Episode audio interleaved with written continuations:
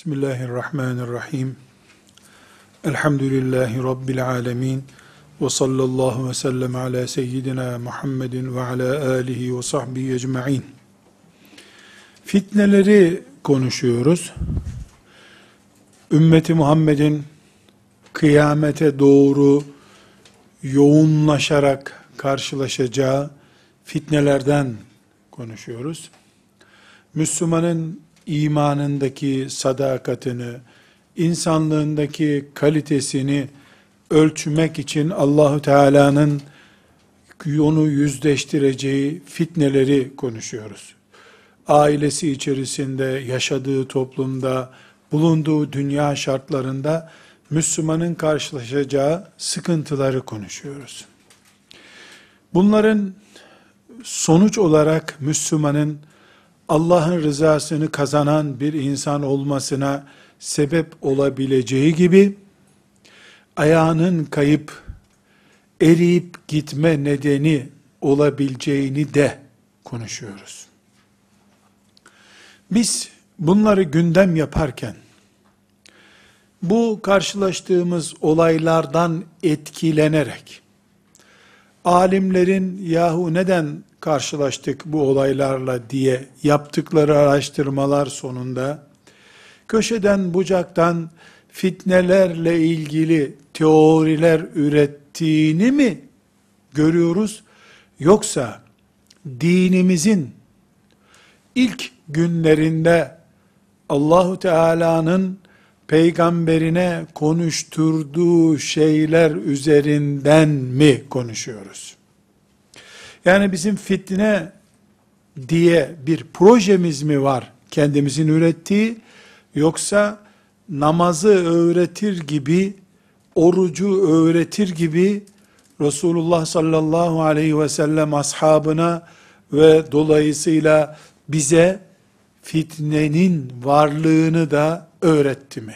Cevap olarak katiyetle diyoruz ki fitne bugünkü Müslümanların gündeminden fazla ashab-ı kiramın gündeminde vardı.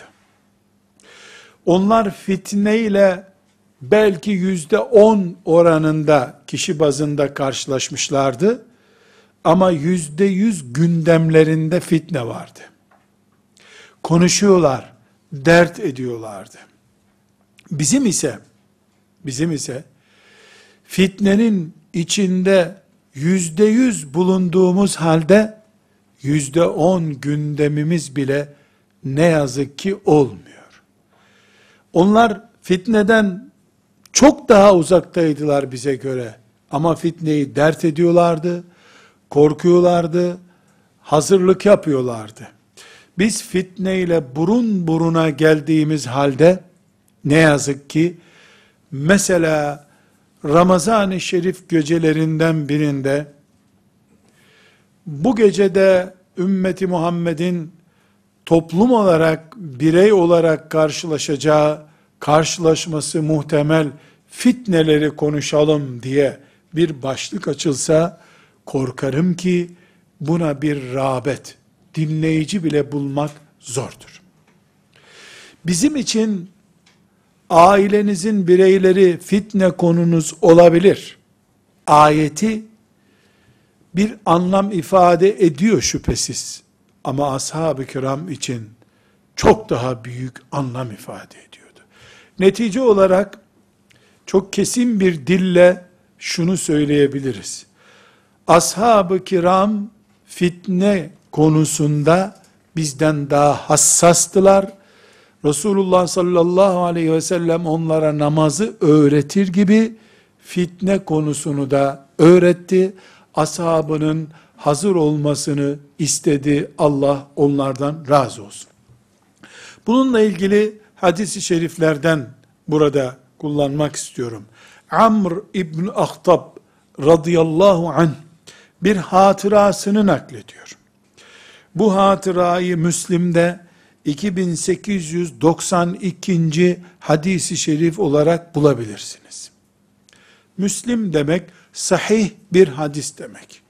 Ortada bir reklam yok, bir abartma yok, bir sahabi, sahabi kalitesinde Resulullah sallallahu aleyhi ve selleme ait bir olayı anlatıyor. Amr İbn Ahtab radıyallahu anh diyor ki, bir gün Resulullah sallallahu aleyhi ve sellem bize sabah namazını kıldırdı ve minbere çıktı. Minber neresi? Hani şimdi cuma günü hutbe okunan yer. Sabah namazını kıldırdı, minbere çıktı. Ne diyelim saati? Yedi. Sabah yedi. Namazdan sonra minbere çıktı. Öğlen vaktine kadar bize konuşma yaptı. Öğlen vakti olunca minberden indi ve öğle namazını kıldı. Tekrar minbere çıktı, ikindi vaktine kadar bize konuşmaya devam etti. Sabah namazını kılınca başlamıştı. Öğle namazı arası vermiş. İkindi namazını için bir ara daha vermiş. Konuşma yapmış. İkindi namazı vakti gelince minberden indi. İkindi namazını kıldı. İkindi namazından sonra tekrar minbere çıktı güneş batıncaya kadar bize konuşma yaptı.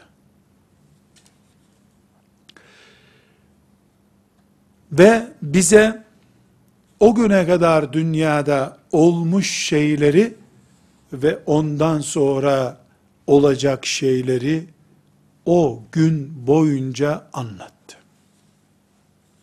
Net bir şekilde şunu görüyor ümmetinin geleceğiyle ilgili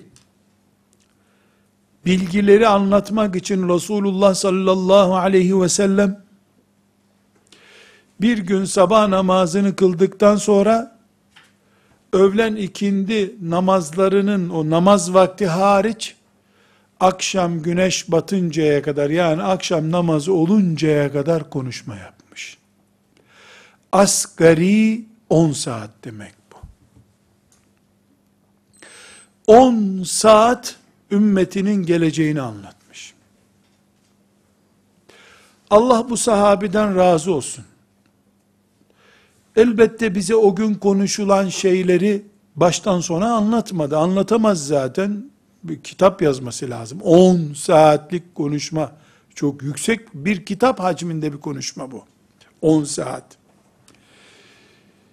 10 saat ümmetinin geleceğini anlat ümmetinin karşılaşacağı sorunları, ashabının neler yapması gerektiğini anlatmış. Bu hadisi şerifi Müslim'den niye aldık? Ashab-ı kiram, fitnelerin içinde olmadıkları halde, fitneye karşı donanımlıydılar. Bilgileri vardı. Biz ise fitnenin içinde bocaladığımız halde fitne gündemi yapmayı düşünemiyoruz. Yol ashab-ı kiramın yoludur. Ashab-ı kiram Allah onlardan razı olsun. Eğer böyle bir gündem yaptılarsa bizim de ona yakın bir gündemle hayatın içinde bulunmamız gerekiyor. Bukhari'de 7081. hadis-i şerif Müslim'de de 2886. hadisi şerif. Müttefakun aleyh bu hadisi şerifte Ebu Hureyre radıyallahu an Resulullah sallallahu aleyhi ve sellem'den bize haber veriyor. Buyuruyor ki ümmetiyle ilgili olarak benden sonra bir takım fitneler çıkacak o fitneler zamanında oturan ayakta olandan daha hayırlıdır. Ayakta duran yürüyenden daha hayırlıdır. Yürüyen de koşandan daha hayırlıdır. Bu ne gibi? Bir yağmur düşünelim. Yağmur bir gölgeliğin altında tutanı fazla ısmarla, ıslatmaz. o gölgelikten çıkıp ayakta yağmurun altında duranı biraz daha ıslatır. Ama yürüyeni daha fazla ıslatır, koşanı daha fazla ıslatırsa, sallallahu aleyhi ve sellem Efendimiz, fitnelere karşı, hareket tarzımıza göre etkileneceğimizi haber veriyor. Sonraki cümlesinden aynı hadisin devamında buyuruyor ki kim fitneye çanak tutarsa fitne onu bulur. Kim o dönemde fitneye karşı bir sığınak bulabiliyorsa o sığınağını kullansın. Hadis-i şerif ashab-ı kiramın gözü önünde kulaklarına akıtılmış bir mesajdır. Ashab-ı kiram bu mantıkla yetiştirildiler. Nedir o mantık? Fitne kesin olacak. Bir. İki. Mümkünse fitne döneminde ayakta durma. Yani kıpırdar vaziyette olma. O mümkün değilse ayakta dur, yürüme. O da mümkün değilse yürü ama koşma. Eğer bütün bunları yapmaz da fitneye doğru koşarsan Allah seni fitnenin içine atar.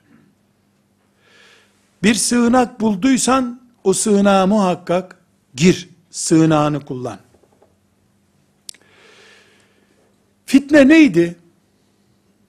Haram malın Müslümanların içinde yayılmasıydı. Fitne neydi? Kadın ve şehvet konusunun şeytanın projeleri olarak toplumda yayılmasıydı. Fitne neydi? Diplomanın uğruna din feda edilebilecek bir put haline gelmesiydi. Fitne neydi? Haram, helal demeden Allah'ın haramlarını yok sayarak yaşamaktı.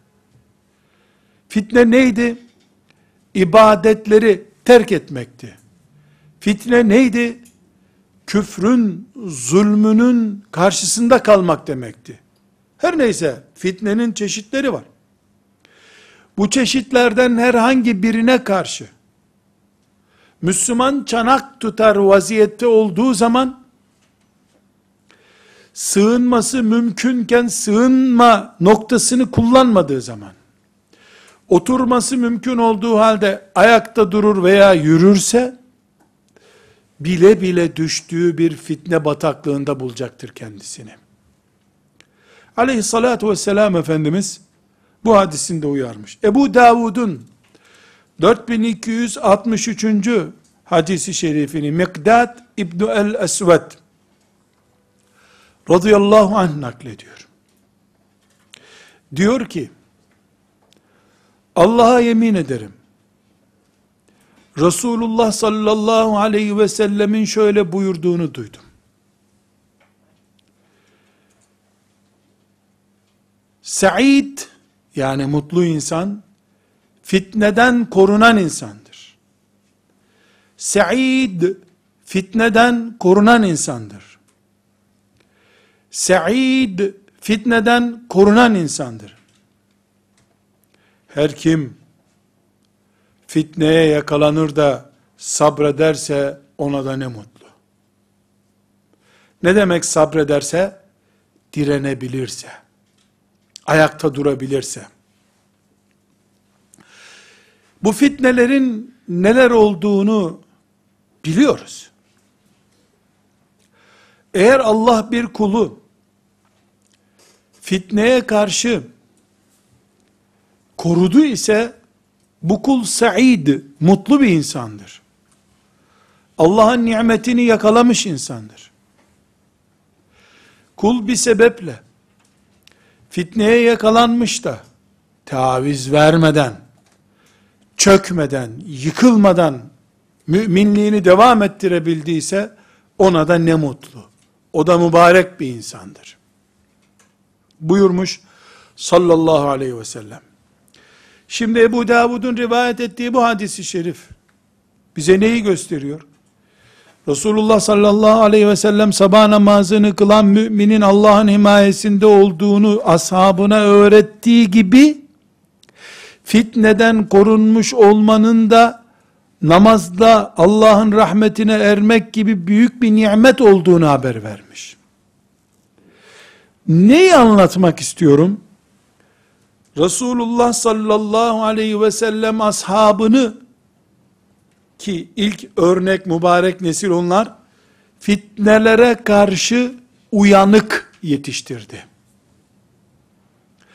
Bugünkü eğitimimizde fitneye karşı uyanık kalma, fitneye karşı tedbiri hazır Müslüman olma, fitne anında neler yapılacağına dair planları projesi olma, fitne yangınını söndürmek için neler yapılacağına dair en azından bir zihin yapısına sahip olmanın gerekli olduğunu konuşuyoruz.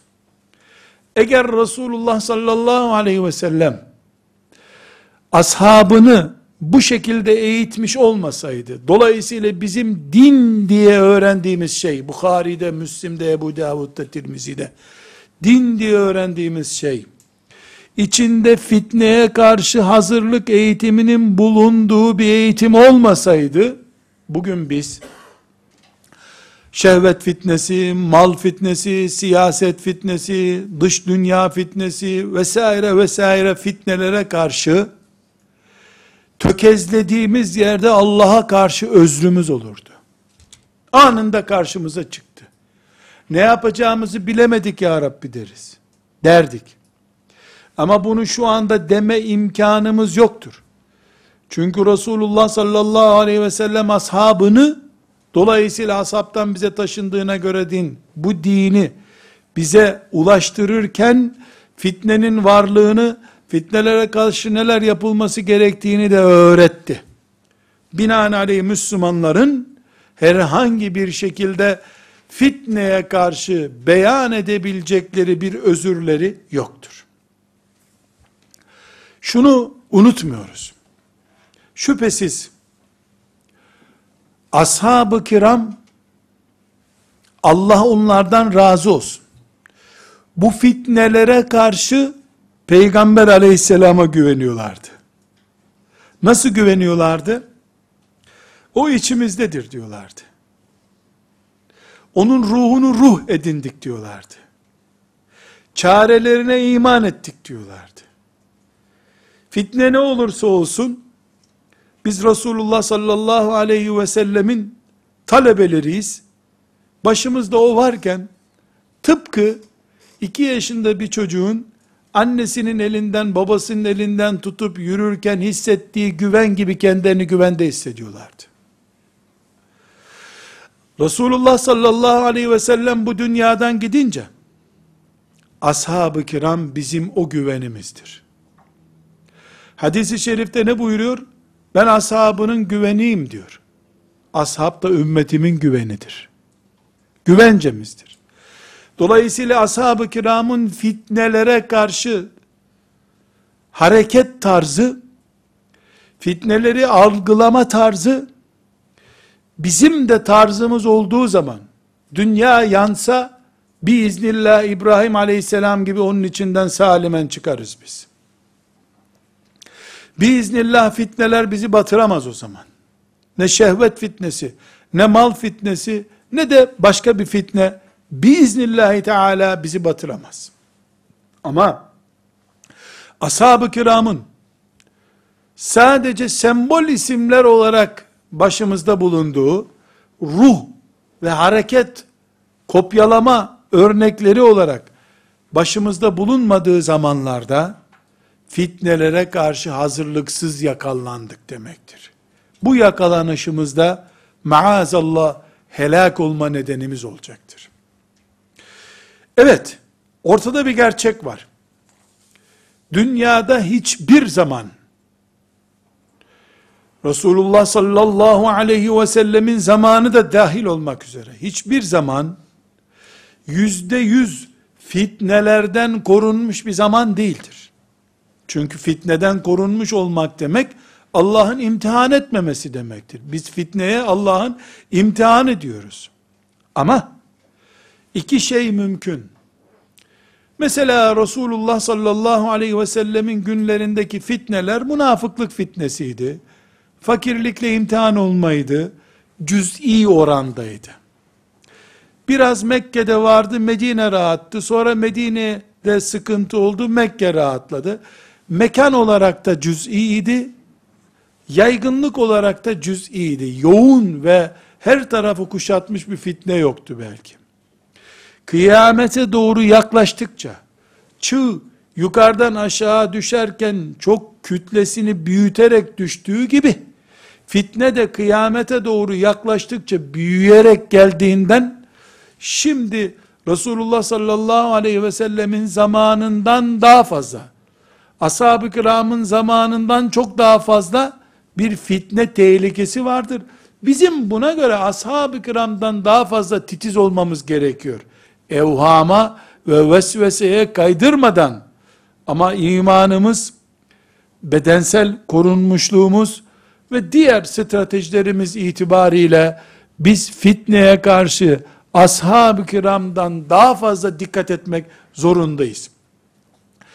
Çünkü bugün biz fitneleri karşımızda bulduysak eğer, bunlar tesadüfen, işte 2. Dünya Savaşı'ndan sonra Amerika daha güçlendi de Amerika bu fitneleri yayıyor diye değildir.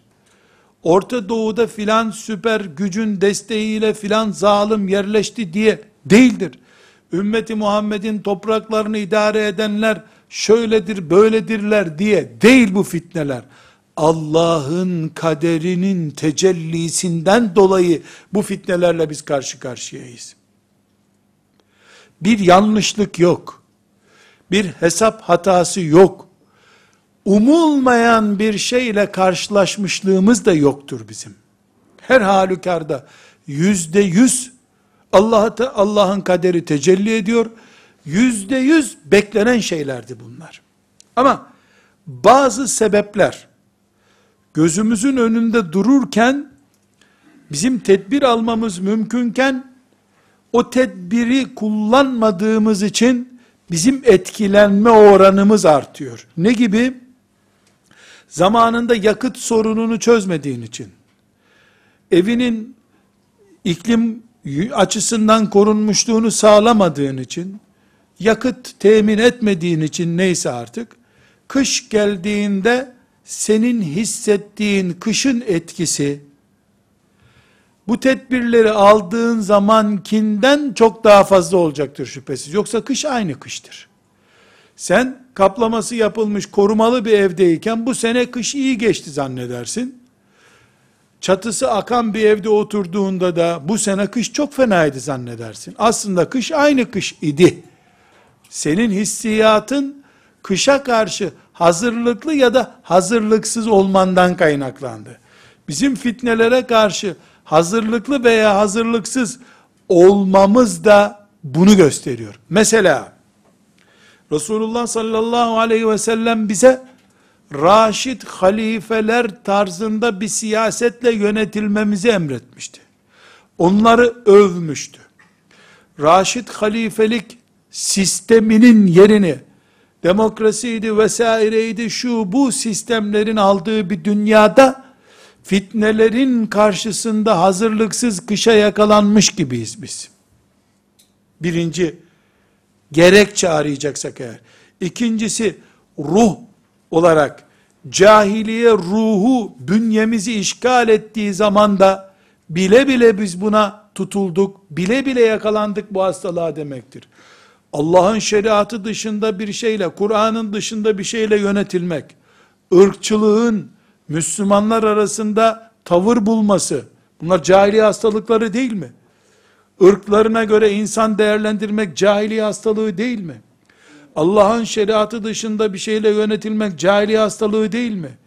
Kadınların teberruç yapmaları Kur'an-ı Kerim'le, Yani bedenlerini daha güzel gösterecek bir yöntemle caddelerde dolaştırma, dolaşmaları Kur'an-ı Kerim'in وَلَا تَبَرَّجْنَ تَبَرُّجَ الْجَاهِلِيَةِ الْعُولَى o ilk zamanların cahiliyesindeki gibi dolaşmasın kadınlar sokakta dediği şey değil mi? Kadınların bu hale gelmesi, dünyanın herhangi bir şekilde içimizi kemiren bir put haline gelmesi, dünya sevgisinin ahiret sevgisini ezip geçmiş olması cahiliye hastalığı değil mi?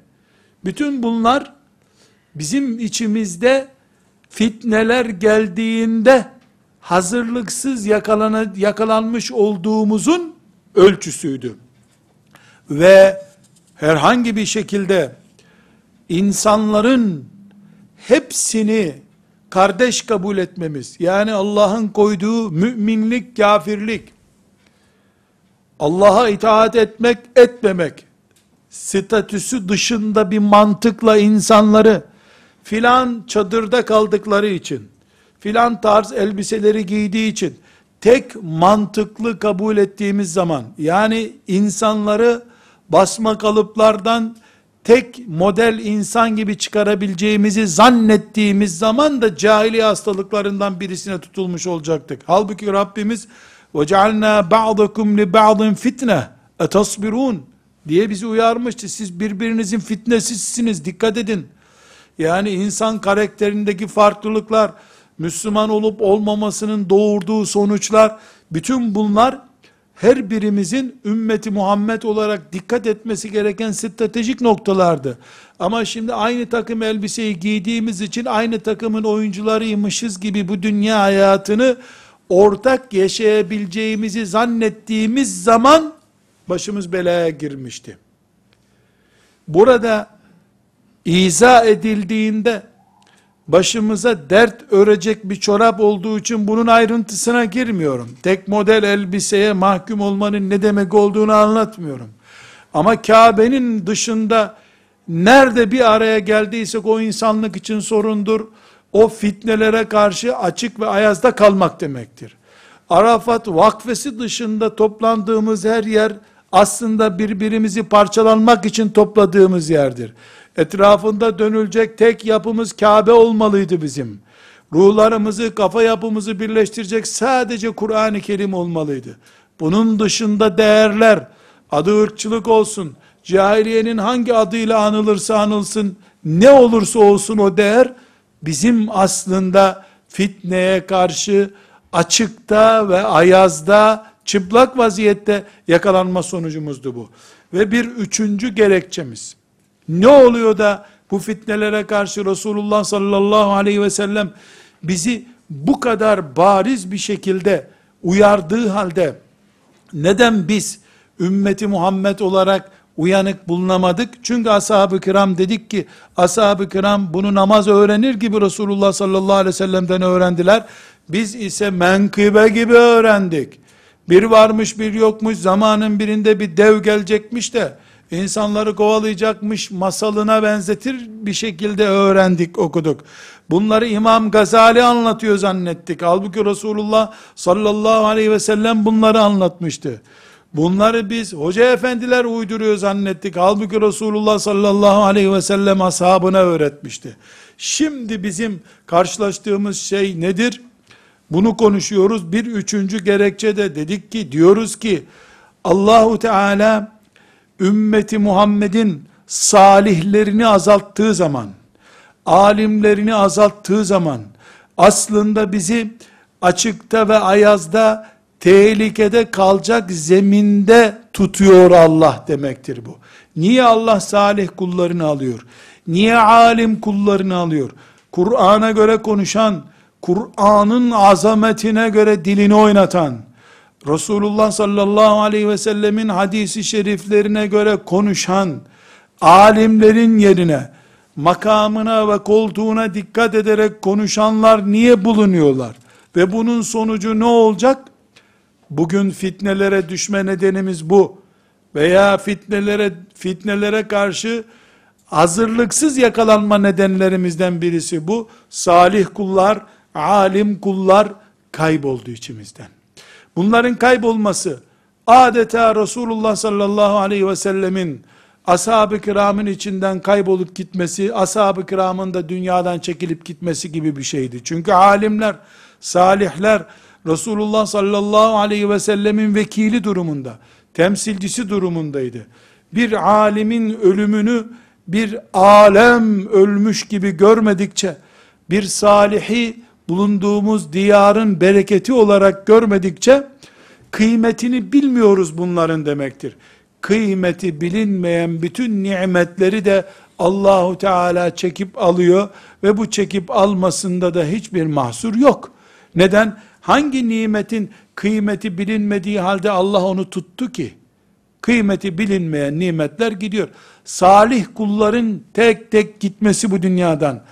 Allah, Kur'an ve hadisi şerifle konuşan, Kur'an'ın ağırlığı alnından okunabilen, Resulullah sallallahu aleyhi ve sellemin e, insanlara anlattığı sözleri tıpkı o anlatıyor gibi heyecanla anlatabilen, emri bil maruf ve nehyanil münker yapabilen alimlerin içimizden çekilip gitmiş olması adeta sularımızın toprağın altına doğru çekilmesi gibi bir afetti.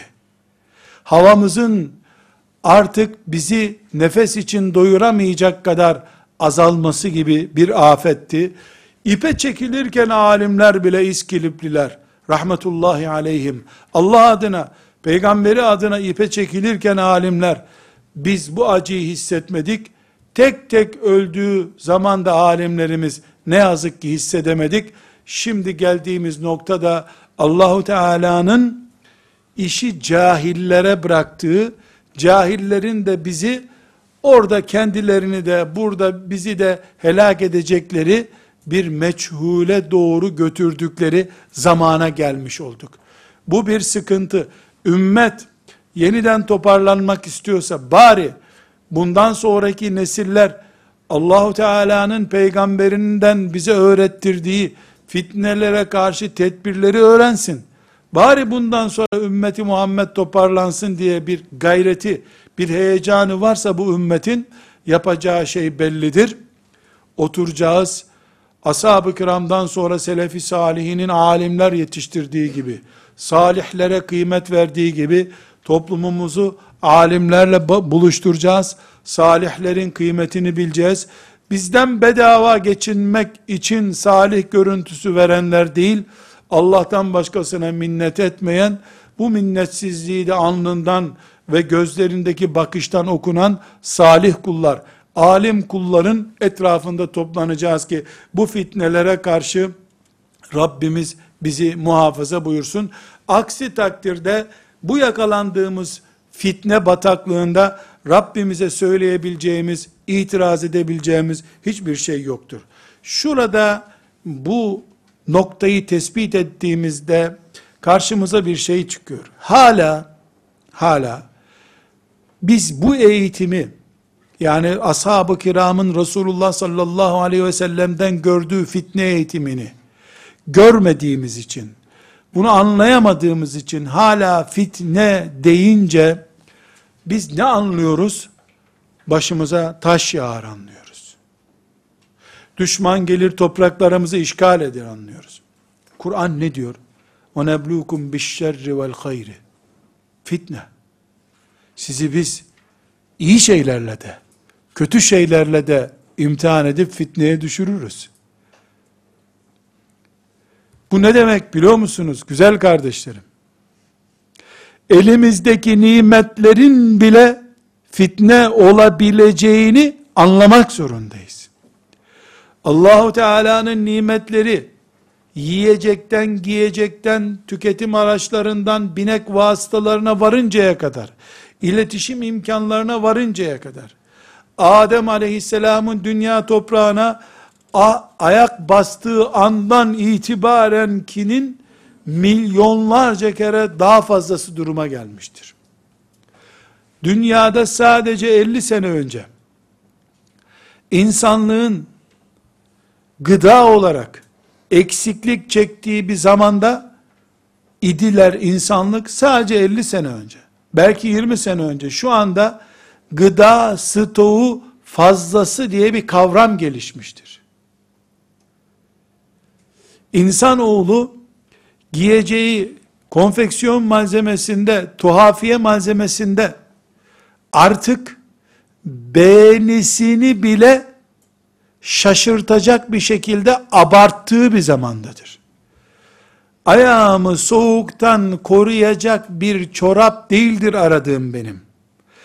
Ayağımdan bile dekor gösterebileceğim bir çorap arıyorum. Neden? Giyecek stoğu fazlası insanlıkta var çünkü. Artık iletişim araçları muhabbet araçlarına dönmüştür. Eğlence araçlarına dönmüştür. Binek vasıtalarımız keyfilik için üretilir hale gelmiştir. Bütün bunlardan anlıyoruz ki Allah 100 sene önce kıtlıkla, açlıkla imtihan ettiği kulları varken, şimdi bizi bollukla imtihan ediyor. Fazlalıkla imtihan ediyor. İnsan oğlunun ne yapacağını, nasıl şımaracağını görüyor.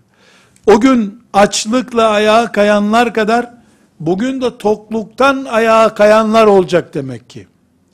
Dolayısıyla biz fitneyi Allah'ın imtihanı olarak göreceğiz. Ama hiçbir şekilde fitneyi sadece başımıza gelmiş belalar olarak görmeyeceğiz.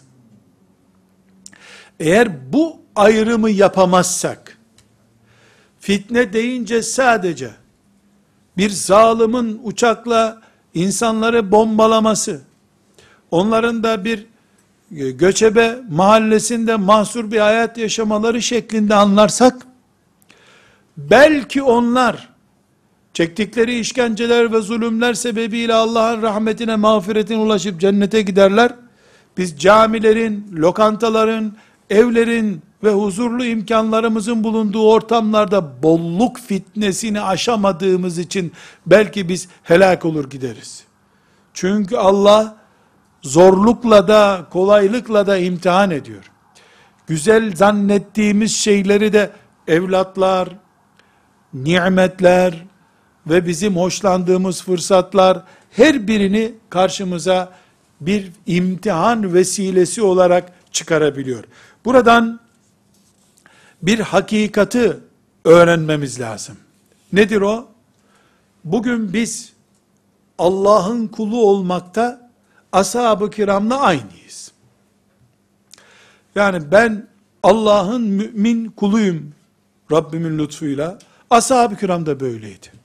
Bir. iki. Ben insanım, onlar da insanlar. Hiçbir farkımız yok insanlıkta. Üç. Ben de cennet için uğraşıyorum. Onlar da cennet için uğraştılar. Dört.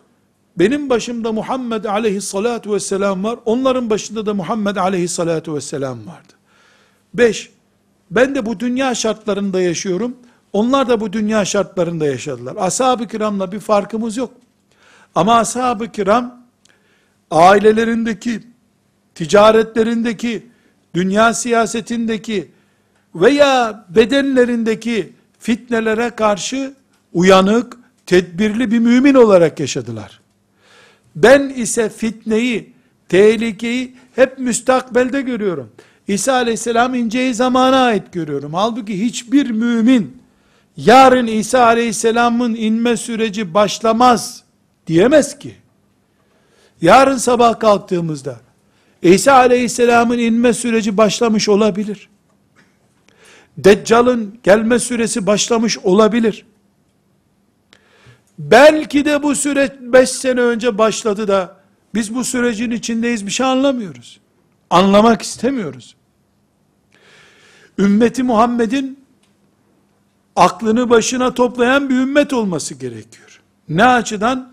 Çünkü bu fitne eğitimi, bu fitneye karşı basiretli ve uyanık olma süreci ashab-ı kiramda vardı. Gerekli tedbirleri aldılar. Halbuki fitnelerin çoğuyla karşılaşmadılar. Biz ise aynı şartlarda aynı peygamber aleyhisselamın sözlerine muhatabız. Fitnelerle burun burunayız hem de. Burun burunayız ama fitneye karşı tedbir ve uyanıklık konusunda ne yazık ki yeterli durumda değiliz. Bunu şunla test edebiliriz. Şimdi mesela bu ders yerine ashab-ı kiramın menkıbelerinden, güzel hatıralarından bir hatırayı konuşmuş olsaydık, daha duygusal, daha dayanıklı ve daha saate bakmadan, kaç dakika oldu ders demeden bu dersi dinleyecektik. İş bir muhasebeye, aklımızı başıma, başımıza almaya ve fitnelere karşı dikkatli olalımı öne çıkarmaya yönelik bir ders olunca ders zorlaştı. Neden zorlaştı? Çünkü bizim için bu müstakbele ait bir şey. Yarınlar bununla yani gelecek kuşaklar bununla karşılaşacak diye vehmediyoruz. Hayır. Ashab-ı kiram Resulullah sallallahu aleyhi ve sellem'den bu fitneleri bir sabah namazından akşam namazına kadar dinlediler. Onlar da tarlalarına giderken sağa sola baktılar, deccal çıkmış olabilir mi ya? diye düşündüler.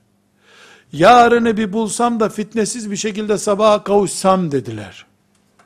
Akşamı bulsam yeter bana diye düşündüler. Neden? Çünkü aldıkları eğitim bir nefes alıp verme eğitimi kadar ciddiydi onlar için.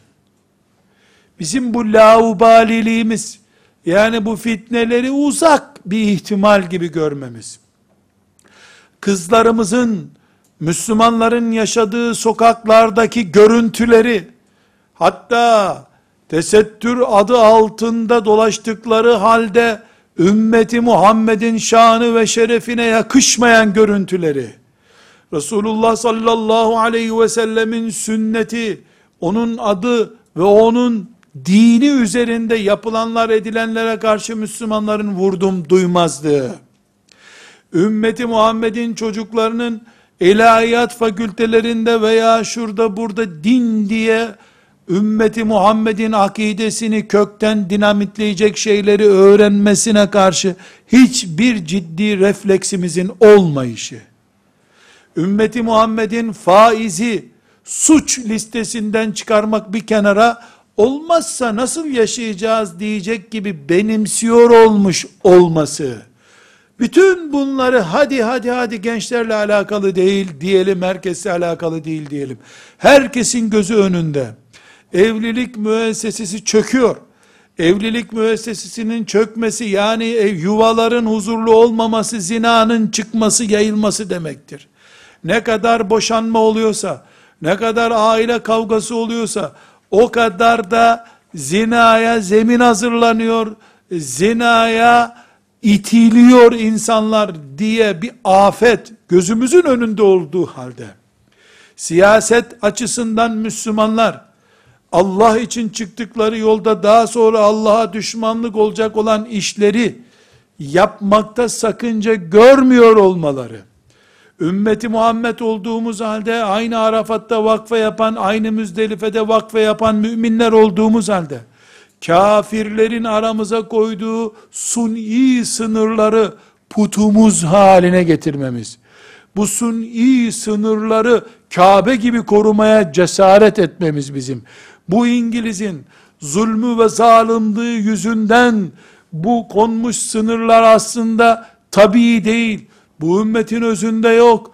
Bu ümmet bu kadar bölünecek bir kabiliyetteki ümmet değil diye bildiğimiz halde buna rağmen ses çıkarmıyor olmamız fitne dalgalarına karşı hazırlıksız yakalanmamızdan kaynaklandı. Bütün bunlara rağmen eğer müminler şöyle bir hamle yapmayı düşünmüyorlarsa, düşünemiyorlarsa işte afetin başı, fitnenin de formülü burada yatıyor demektir. Döneceğiz tekrar ashab-ı kiramın zamanına. Ashab-ı kiram karşılaşmadıkları halde, her an karşılaşırım diye, namazı, zekatı, orucu, haccı, Kur'an okumayı öğrendikleri gibi Resulullah sallallahu aleyhi ve sellem'den fitneleri öğrenip, gerekli tedbirleri nasıl aldılarsa, biz de fitne konusunu ciddiye almak zorundayız. Bu ümmetin fitnesi demek sadece Rus ordularının Çarlık döneminde ta Artvin sınırlarından Kafkasya'dan gelip Trabzon'a kadar her yeri işgal etmeleri değildir.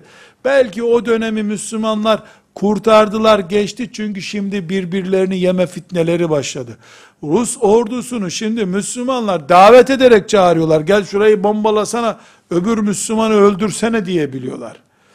Bunların hepsi bizim Müslümanlığı sadece namaz kılmakla, sadece tesbih çekmekle yeterli zannettiğimiz bir eğitimle öğrenmemizden kaynaklanıyor. Dünya üzerindeki siyasi varlığımız, coğrafyamızın farklılıkları ve bizim sosyolojik kimliğimiz de Müslümanca tahlil edilmeli. Aksi takdirde fitnelere karşı hazırlıksız yakalanacağız. Yakalanıyoruz. Önemli bir kısmına yakalandık. Mesela başörtüsü kavgası yaptık senelerce. Bu başörtüsü kavgasının arkasından kendileriyle huzurlu yuva kurulmaz gençler çıktı karşımıza. Evet başörtüsü sorunu çözüldü ama insanlık da çözüldü bu arada. Keşke biz insanlığımızı kaybetmeden aradığımız şeyleri bulabilseydik diyoruz. Her halükarda bu ümmetin imtihan süreci Allah'ın kaderidir. Bir kısmını Allah Ebu Cehil'le imtihan etti. Başka bir kısmını fakirlik ve sefaletle imtihan etti. Daha başka bir kısmını ümmeti Muhammed'in sürgünleriyle, topraklarından göç etmek zorunda kalmalarıyla, hicretleriyle imtihan etti. Şimdi ise bolluk, rahatlık ve plansızlık, şeriattan kopmuşluk açısından bir imtihana tabi tutulduk. Bugün imtihanı kazananlar, Allah'ın izniyle, Allah'ın ilk imtihanı kazanan kullarıyla beraber olacaklar. Bugün Ebu Cehil yok. Bugün Übey İbni Halef yok. Bugün Ebu Leheb yok. Onun yerine ne getirdiyse Allah imtihan olarak, fitne olarak biz o imtihanı kazanacağız. Kazanınca da Rabbimizin yardımını, inayetini hemen yanı başımızda hissedeceğiz inşallah. Ve sallallahu ve sellem ala seyyidina Muhammed ve ala alihi ve sahbihi ecma'in velhamdülillahi rabbil alemin.